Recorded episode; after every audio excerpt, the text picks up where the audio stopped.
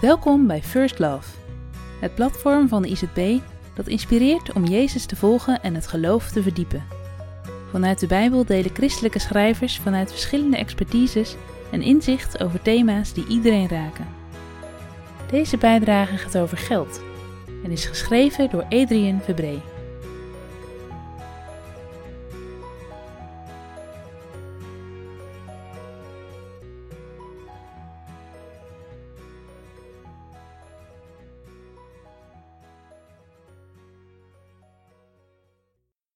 God heeft de blijmoedige geven lief. 2 Korintiërs 9, vers 7.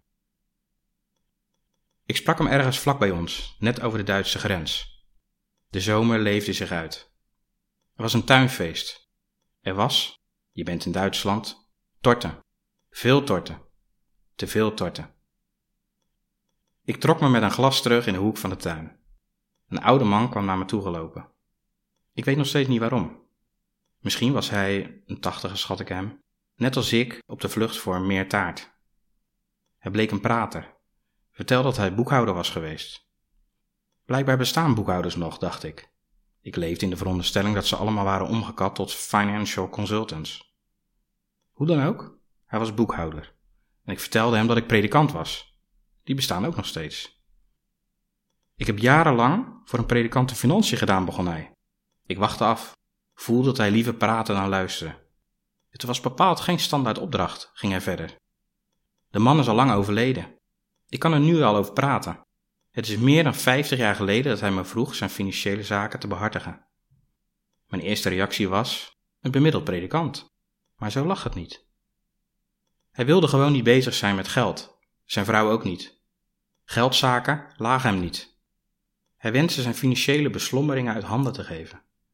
Naast het verzorgen van de jaarlijkse belastingaangifte zou hij graag allerlei vaste financiële verplichtingen door mij willen laten afhandelen. Alles uiteraard tegen een redelijke vergoeding.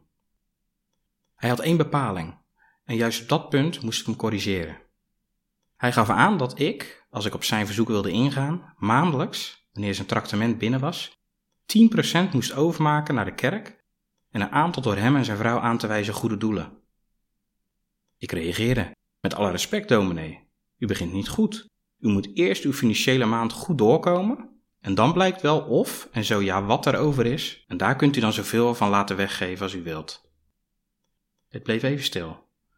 En toen keek hij mij aan en zei: Met alle respect, u begint niet goed. U moet eerst die 10% overmaken. En daarna is het aan mijn vrouw en mij de rest van de maand in te vullen. Zo is het gegaan. Heel hun leven. Ze zijn oud geworden.